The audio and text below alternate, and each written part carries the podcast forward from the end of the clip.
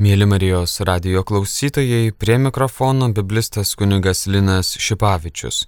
Šioje laidoje bus apžvelgiama ištrauka apie atsimainimą ant taboro kalno. Kiekvienas fragmentas Evangelijos jisai buvo parašytas su tam tikru tikslu. Ir tas pagrindinis tikslas, kurį mes ieškome, tai aišku, autoriai parodo Jėzaus Kristaus asmenį.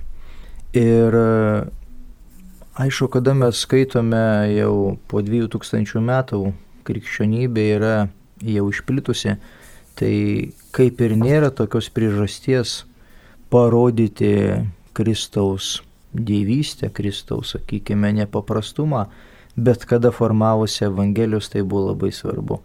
Ir Šiandieną pasirinkau temą būtent atsimainimas, pabrėžti, kad šitas pasakojimas yra labai tampriai susijęs su Seno testamento tradicija, ypatingai su išėjimo knyga 24 skyriuje, kada Izraelio tauta sudaro ant Sinajaus kalno sandorą. Tai yra pati svarbiausia išganimo istorijos vieta arba išganimo istorijos momentas kada Izraelio tauta išeina iš Egipto nelaisvės, Mozės vedami ir ant Sinajaus kalno sudaro sandorą. Taigi kitais žodžiais mes galime pasakyti, kad evangelistai, ypatingai Matas, kuris rašė Evangeliją, bandė parodyti Jėzų kaip naują Mozę. Ir tas atsimainimas ant taboro kalno, kaip mes dažniausiai klausome, skaitome liturginiuose tekstuose, tai vad lyg ir tas koncentravimas pačio atsimainimo. Bet čia tik tai vienas iš tų reiškinių. Bet mhm. Pats faktas atsimainimo tai reiškia sudarimas sandoros. Sandoros sudarimas žmonių, tikinčių žmonių tautos su viešpačiu Dievu. Ir Jėzus yra tas naujasis mozė, kuris sudaro arba atnaujina tą sandorą. Vat šitu momentu arba šitame, sakykime, prizmėje mes iš tikrųjų turime žiūrėti į tą atsimainimą.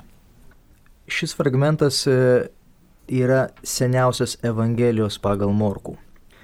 Ir e, Morkaus tekstas 8 skyrius 26-30 eilutės kalba apie Petro išpažinimą prie Pilypo Cezarėjos apylinkių.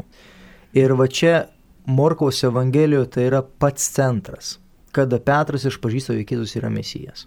Tai yra pirmosios Evangelijos dalies pabaiga ir, sakykime, po Petro išpažinimo iš karto eina sekantis stiprus tekstas arba e, svarbus tekstas, tai yra atsimainimas ant taboro kalno. Ir čia yra taip pat susijęta labai aiškiai su žydiškomis šventėmis liturginėmis šventėmis, nes tarkime Petro išpažinimas prie Pilypo Cezarėjaus, tai yra kaip tik žydiška šventė, kuri švenčiama vieną kartą metuose susitaikinimo šventė, Jom Kipur. Ir toje šventėje vieną kartą metuose visiems žydams buvo atleidžiamos nuodėmės. Vyriausias kunigas, kada įeidavo vieną kartą metuose šventykloje visų švenčiausių vietą ir ištardavo šventą viešpaties vardą, tuo būdu būtent būdavo atleidžiamos nuodėmės. Ir čia labai graži ta sąsaja, Evangelija taip kalba, kad kada vyriausiasis kunigas ateina į visų švenčiausią vietą hebrajiškai debyr ir ištarė Jahvės vardą, tuo pačiu metu Petras ištarė Jėzaus vardą. Petras sako, tu esi mesijas gyvo Dievo sūnus. Tai vadinasi, ten vyriausias kunigas ištarė švenčiausią Dievo vardą, O čia prie Pilypo Cezarėjos Petras išpažįsta, kad Jėzus yra Mesijas Dievo sūnus. Ir po šešių dienų, ir kaip čia va tekstas paskui sako, mes e, turime ir Mato Evangelijoje, ir Morkos Evangelijoje, po šešių dienų kita šventė, palapinių šventė. Sukoto šventė. Ir už tai Petras nebereikalų sako viešpati pastatykime mums čia tris palapinės, vieną tau, kitą lygių, kitą mozei. Ne šiaip savus iš galvos, bet jie gyvena tame žydiškų švenčių kontekste. Tai gal tada pakalbėsiu aš dabar iš tikrųjų apie atsiradimo tekstą, apie tai, kaip iš tikrųjų formavosi tekstas ir paskui galėsime dar pažvelgti į pačią Evangeliją pagal Morkų ir palyginti truputėlį kitas redakcijas. Iš tikrųjų, Daugumas komentatorių šventų rašto kalba, kad ypatingas akcentas arba ypatingas ryšys yra su išėjimo knyga 24 skyriuje, nuo 9 iki 18 eilutės ir taip pat 34 skyriumi nuo 29 iki 35 eilutės. Pirminis tekstas turėjo didelę informaciją arba didelę įtaką. Taip pat, aišku, ir gali būti Henoko knyga, tai yra apokrifiniai Seno testamento raštai, taip pat gali būti ir Danieliaus knyga, bet iš tikrųjų tai taip aiškiausia matomas, kad tai yra Seno testamento išėjimo knyga. Verta iš tikrųjų paskaityti tą tekstą. Skaitome, tada Mozė ir Aronas, Nadabas ir Abihuas ir 70 Izraelio seniūnų užlipo į kalną. Ir jie matė Izraelio dievą. Po kojomis buvo tarsi safyro asla, tarsi pats dangaus skaidrumas. Dievas nepakėlė rankos prieš Izraelio tautos vadus po Dievo regėjimo. Jie galėjo valgyti ir gerti. Viešpats tarė Mozį, užlip pas mane į kalną ir ten lauk. Tau duosiu akmeninės plokštės, su mokymu ir įsakymais, kuriuos surašiau jiems pamokyti.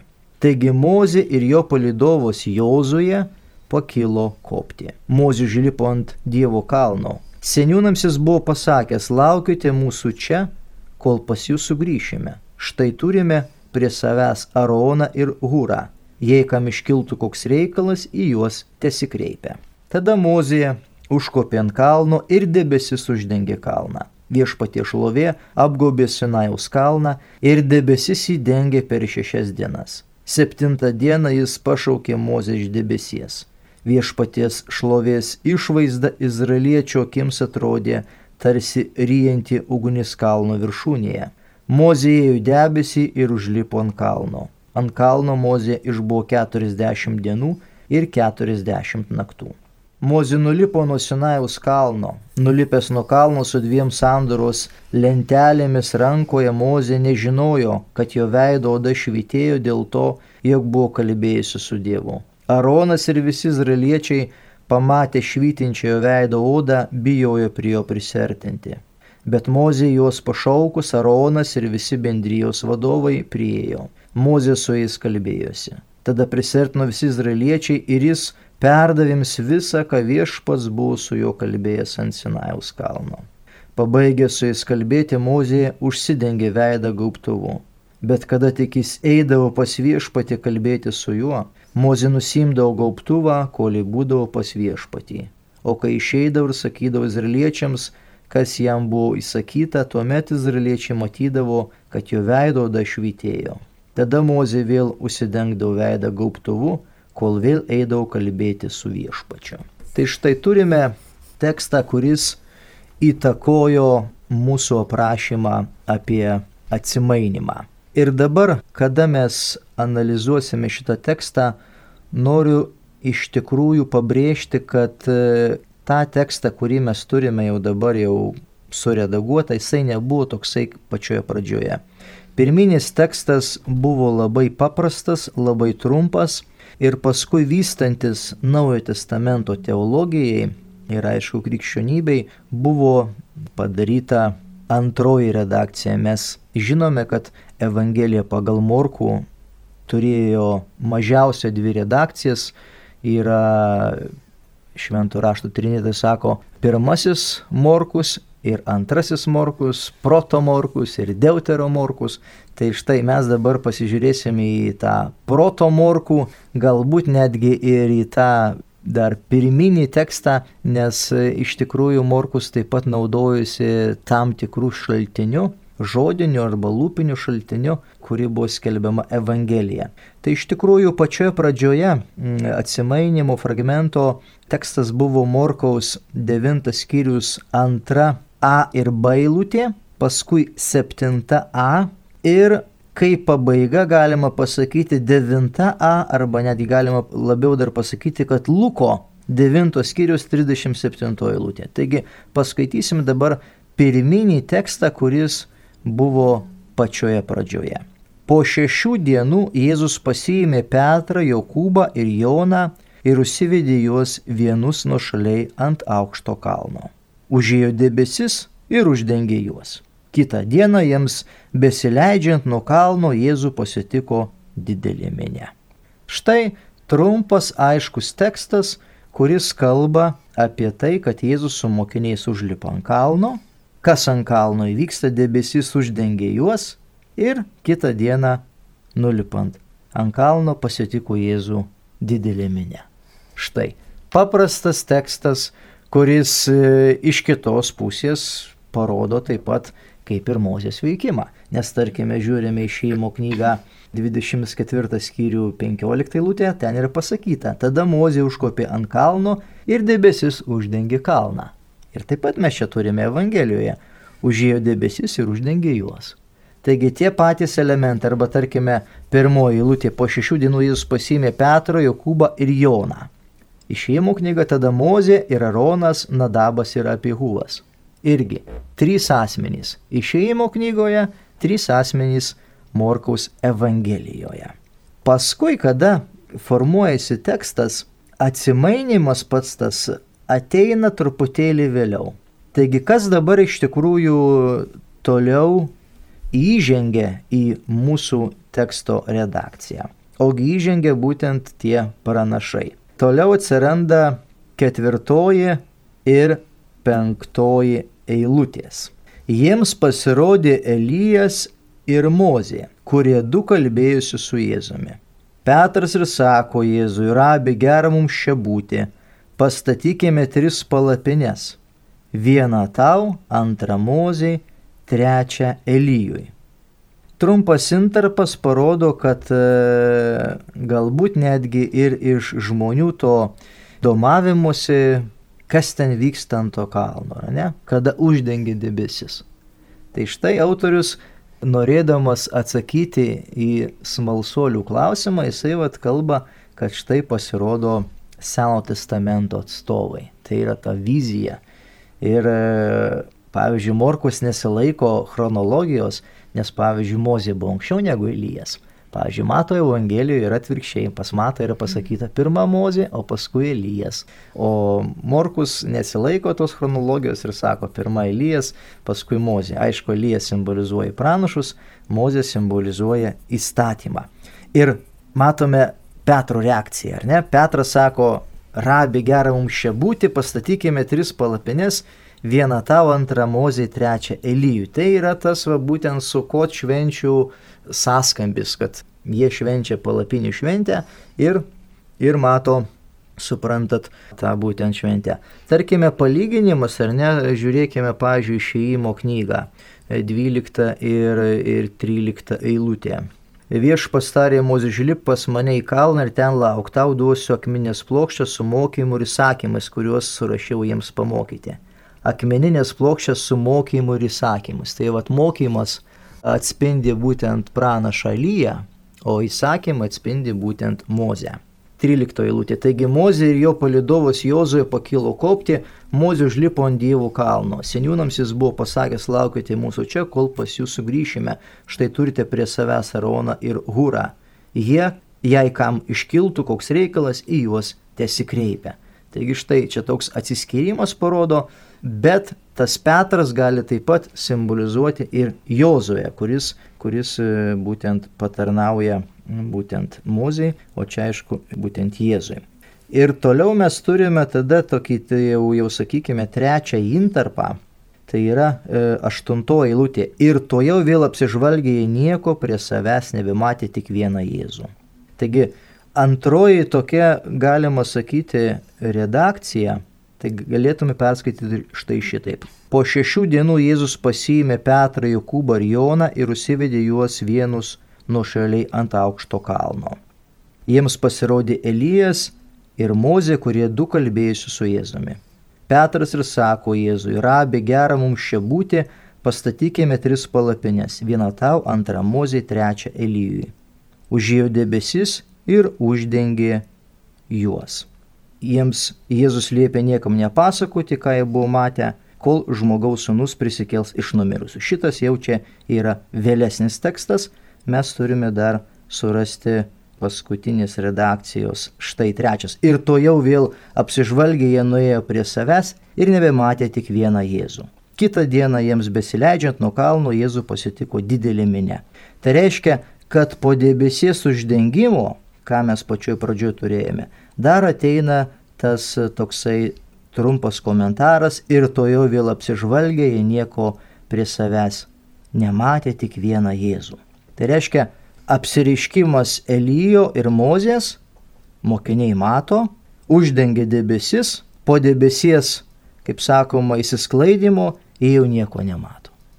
Štai 15 eilutė išėjimo knygoje 24 skyrius uždengia debesis. Tai yra Dievo artumas, Dievo garbė. Dievo, sakykime, čia toliau kalba 16 eilutė, viešpatie šlovė apgaubė Sinajaus kalną ir debesis įdengė per šešias dienas. Atsimena ir išėjimo knygoje, kaip, kaip mhm. debesis lydė tautą, kada eina iš Egipto nelaisvės.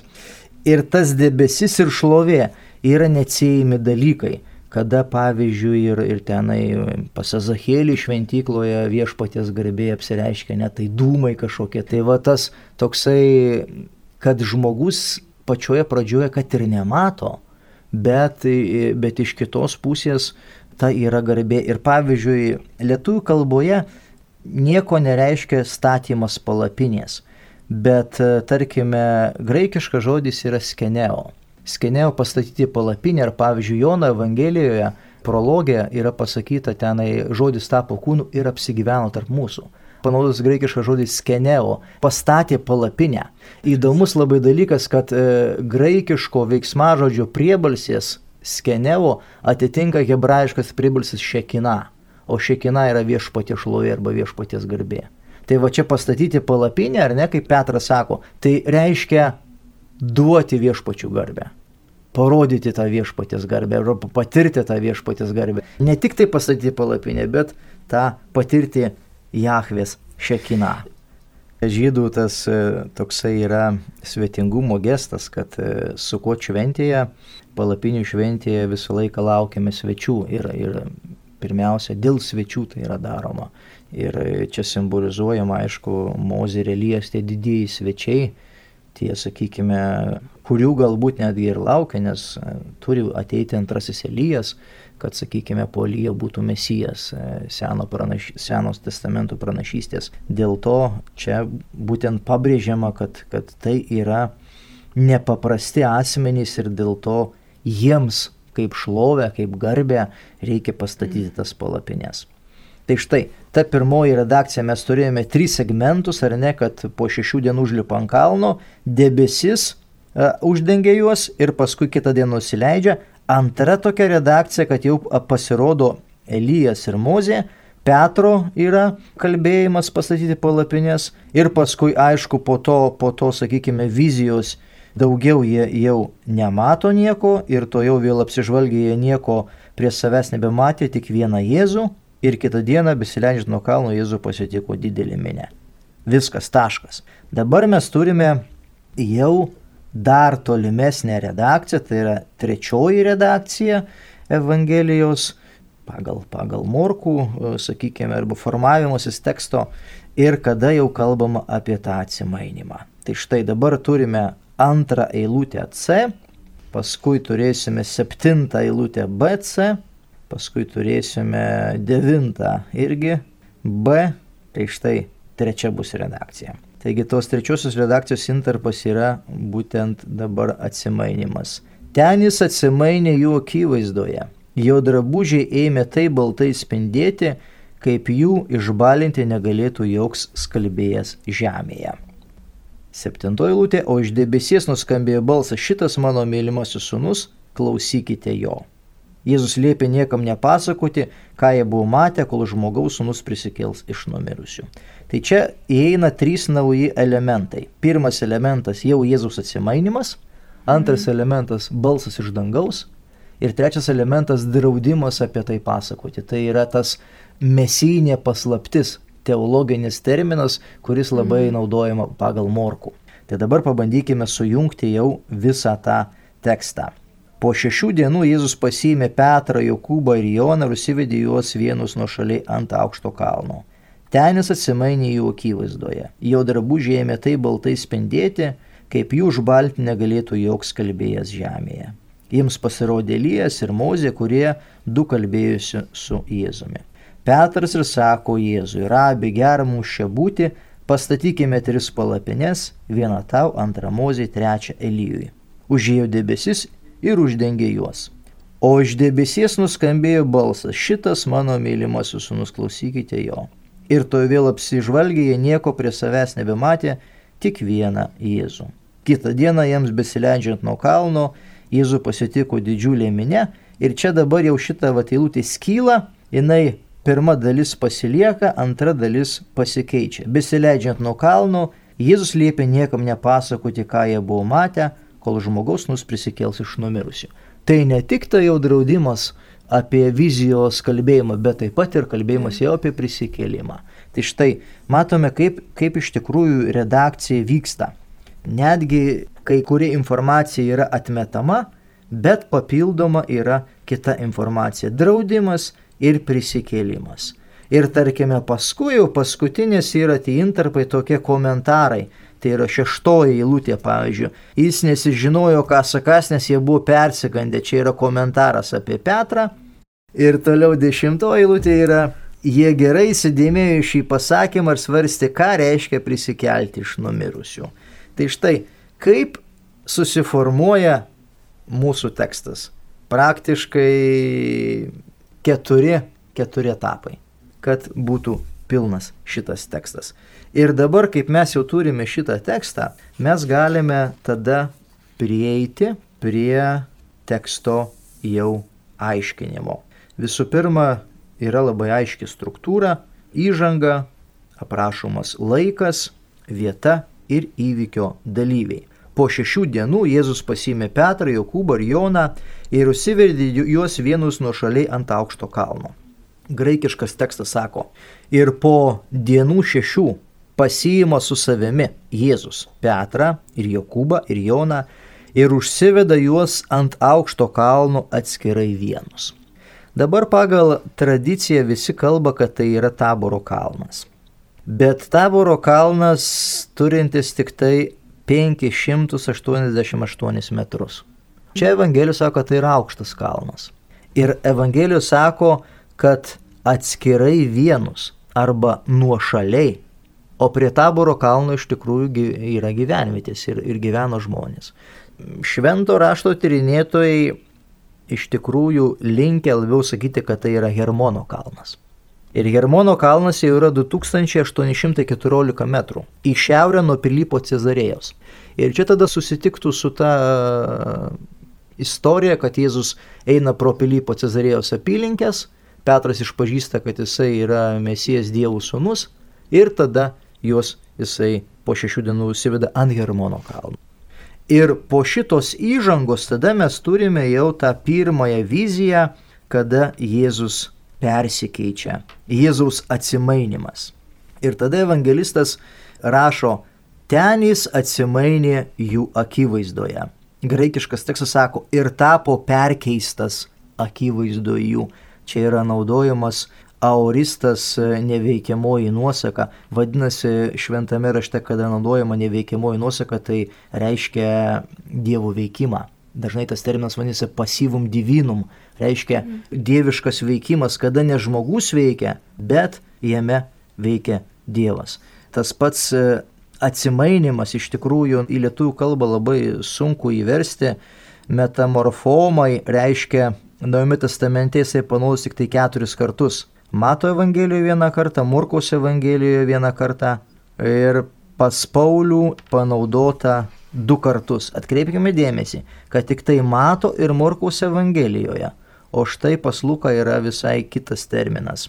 Sudarytas iš dviejų iš tikrųjų žodžių - meta ir morfe.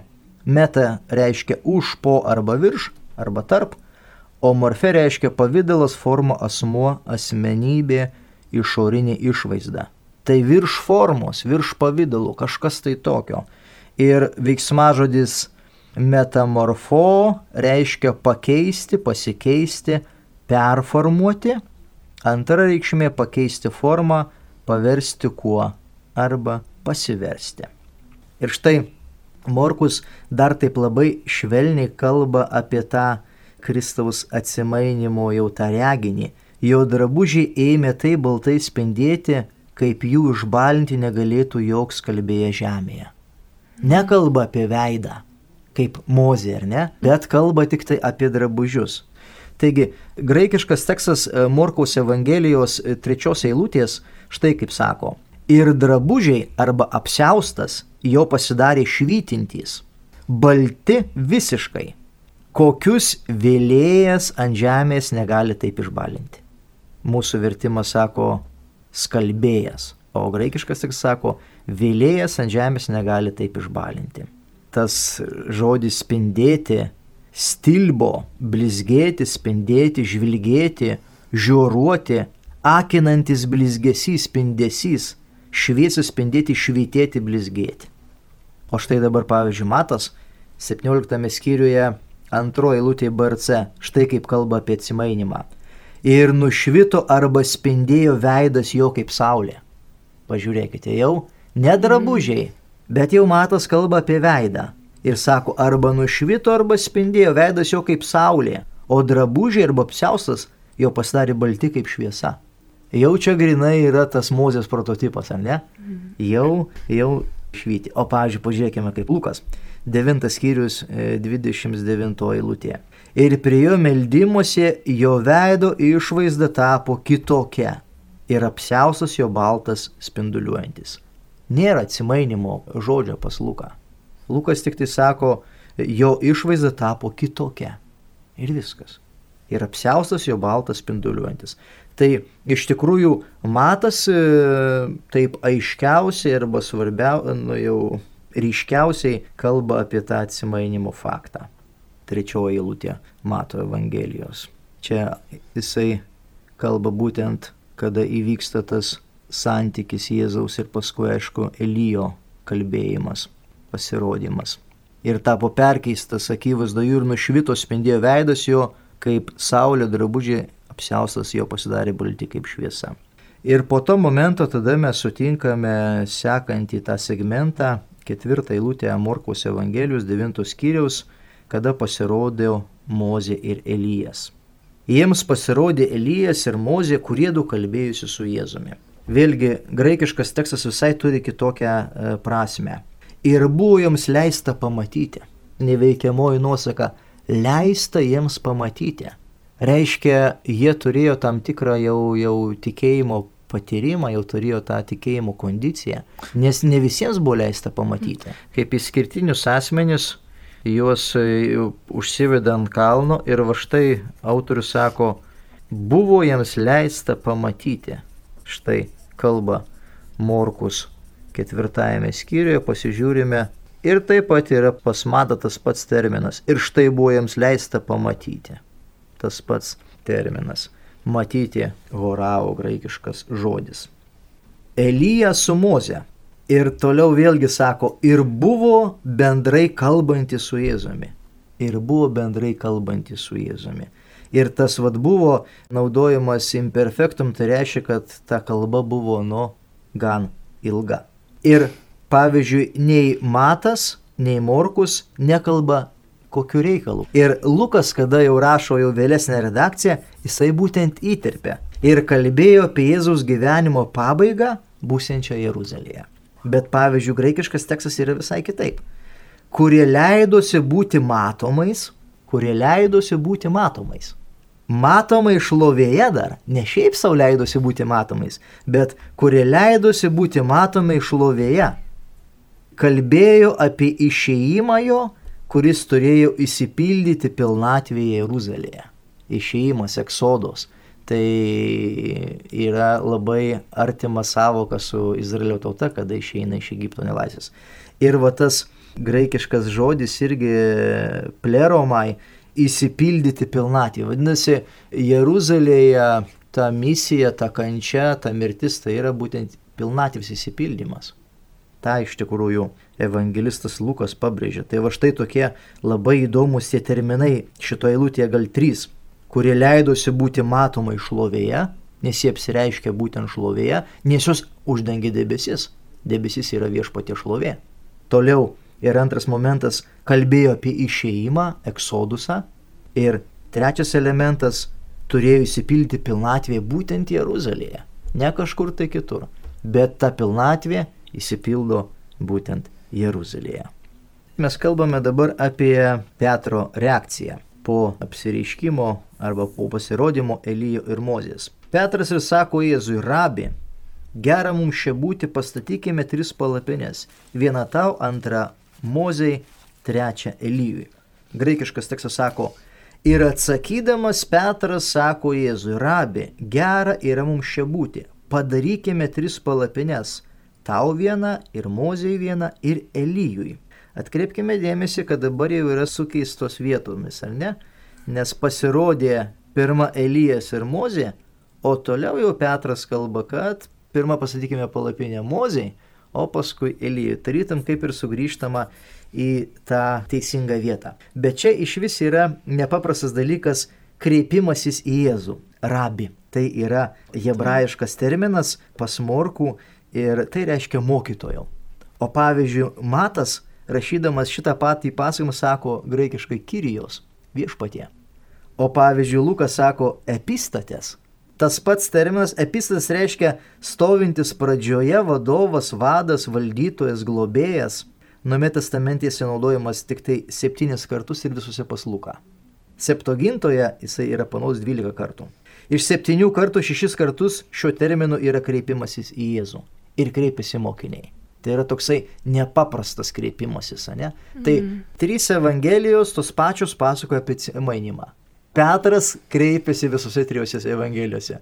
Ir kreipinys yra skirtingas. Kyrijos, rabi ir epistatės. Štai atrodo tas pats e, įvykis, tas pats momentas, o gali būti kokie skirtumai. Ir po to mes turime šeštąją eilutę Morkaus Evangelijos 9 e, skyriaus yra kaip ir evangelisto komentaras. Jis nesižinojo, ką sakas, nes jie buvo persigandę. Graikiškas tekstas sako, juk nežinojo, ką turėjo atsakyti, nes išgazdinti pasidarė. Išgazdinti pasidarė tas fobeo arba fobeomai, tai reiškia nusigasti iki mirties. Vadinasi, Seno testamento tradicija, kada žmogus pamatydavo kažkokį tai atgamtinį reiškinį, ar ten dievą ar angelus, jisai suvokdavo, kad artinasi jo mirtis, nes žmogus negalėjo matyti nei dievo, nei angelų, nes, nes tai yra ne pagal jo prigimtį. Lukas, pavyzdžiui, sako 9 skyrių 33 eilutėje, jis nesižinojo, ką kalbas. Ir po to momento iš karto tarytum evangelistas nutraukia tą sceną ir tada yra ta Dievo apsireiškimo gal e, didumas, ta teofanija iš tikrųjų balsas iš debesies. Žinome, kad Evangelijoje, visoje Evangelijoje tik tai du kartus balsas iš debesies arba iš dangaus ateina. Tai yra per Jėzaus krikšto sceną ir būtent turime ant, ant taboro kalno. Užėjo debesis ir uždengė juos, o iš debesies nuskambėjo balsas, šitas mano mylimasis sunus, klausykite jo. Greikiškas tekstas sako, ir atsirado debesis uždengęs juos, ir atsirado balsas iš debesies, šitas yra sunus mano mylimasis, klausykite jo. Panašiai, kaip ir sakykime, scenoje e, krikšto. Dabar tas žodis debesis gali būti reikšmė ir tamsa. Tai du terminai arba du reiškiniai Tamsa tai reiškia, nu, kad tu kažko tai nematai. Gali būti ta tamsa, mes pamename, kada po Kristaus mirties, ar ne, ant Jeruzalės užėnė tamsa visa, uždengė dangų, sako, ten nuo 6 valandos užtemo. Tai va tas parodomas Dievo veikimas gamtos reiškiniu. Ir pavyzdžiui, Matas duoda tokį netgi papildymą, 17 skyrius 5 eilutė, graikiškas tekstas Dar kai jis kalbėjo, štai šviečiantis debesis apsiautė juos. Ir štai balsas iš debesies kalbantis, šitas yra sunus mano mylimasis, jį pamilau, klausykite jo. Vėl Matas bando parodyti tą šviesą. Ta šviesa, supranti, Mato Evangelijoje yra labai labai e, svarbi. Ir dar tolimesnis intarpas, pavyzdžiui, Morkus to neturi. Ir 6 ir 7 eilutėje ir išgirdę mokiniai krito ant veido savo ir buvo labai išgazdinti. Štai čia jau tas apsireiškimas Mozės ir Elijo padaro, juos jau užgazdina, o balsas dar labiau užgazdina. Ir tarkime, Morkus apie tai nekalba, bet Matas kalba. Išgirdę mokiniai krito ant veido savo ir buvo labai išgazdinti. Ir toliau septintoji lūtė ir priejo Jėzus ir palietęs juos tarė, prisikelkite ir nebijokite. Tas vad prisikelkite, graikiškas žodis ana, a, anastazis, prisikėlimas iš numirusių ir nebijokite, tai reiškia atgimti naujam gyvenimui. Taigi tas atsimainimas yra simbolis, kad e, mokiniai ir pirmoji bažnyčia atgimsta naujam gyvenimui. Bet ne to reiškinio dėka, bet sandoros dėka. Nes ant kalno buvimas tai yra sandoros sudarimas. Besileidžiant nuo kalno jis liepė niekam nepasakoti, ką jie buvo matę, kol žmogaus sunus prisikels iš numirusių. Ir graikiškas tik sako, ir kai nuženginėjo jie nuo kalno, liepė jiems, kad niekam, ką matė, nepasakotų, jeigu niekada žmogaus sunus iš numirusių prisikeltų. Ir dešimtoji eilutė, paskutinė, jie gerai įsidėmėjo šį pasakymą ir svarsė, ką reiškia prisikelti iš numirusių graikiškas tekstas sako, ir tą žodį laikė tarp savęs kartu svarsta, kas yra iš numirusių prisikelti. Čia tas vat prisikelimo momentas, jisai yra nu, eksponuojamas Evangelijoje tris kartus ir bandoma parodyti, kad tai yra Kristaus žemiško gyvenimo misijos tikslas. Ir va, kada kalbama apie tą išėjimą, kada čia Ypatingai Lukas apie tai kalba, dėl ko tai buvo diskutuojama, nes, tarkime, nei, nei Morkus, nei, nei Matas apie tai nekalba. Tai vienas Lukas apie tai užsimena, tai vad kalba, kad dėl jo to išėjimo, dėl išėjimo ir tas išėjimas, aišku, yra nepaprastas išėjimas, yra būtent per kryžių, per tą, nes ir kalbėjo apie E, apie Jėzaus gyvenimo pabaigą būsiančią Jeruzalę. Vadinasi, labai yra svarbu evangelistam pabrėžti, kad Jėzaus asmenė įsipildo Seno testamento pranašystės. Ir kaip visi pranašai mirė ne savo mirtimi, bet buvo nužudyti ir daugiausiai Jeruzalėje, aukštųjų valdžios atstovų, o gal net ir karaliaus, taip ir šitoje vietoje mes turime tą pačią istoriją. Vadinasi, istorija kartojasi istorija kartojasi, tik tai iš kitos pusės tai yra Dievo numatyta. Toks Jėzus buvo tas žemiško gyvenimo kelias. Ir e, autorius bando būtent pabrėžti tuos vat, e, tokius momentus, kad e, tai yra numatyta. Ir dėl to mokiniams vis primenama, vis kalama, tarkime, į galvą, kad, kad sakykime, jisai turi kentėti, jisai turi būti suimtas ir taip toliau. Ir tarkime, kaip ir čia vat, kalbame apie tą Petro išpažinimą, nes čia, čia vat, įdomus dalykas. Po, po Petro išpažinimo Škartyzus kalba apie, apie, tai yra pirmas kartas, kada jis kalba apie savo kančią. Jisai sako, bus žmogaus sunus atiduotas į senųjų rankas, bus kankinamas, nužudytas, bet trečią dieną prisikels. Ir ką Petras sako, viešpatė taip nebus. Ir tada sako, eik šalin šetonė, ar ne? Nes tu mastai ne, ne Dievo žmonių mintimis. Tai tas vat, tas vat toksai atspindys. Čia yra prie Pilypo Cezarėjaus Petrojo skelbimas, kad Jėzus yra Mesijas. Jėzaus kalba, pirmoji kalba apie kančią, toliau atsimainimas ir vėl kalbėjimas apie kančią, ne? Bet sako, negalite šito nieko skelbti apie atsimainimą, kol žmogaus nus neprisikels.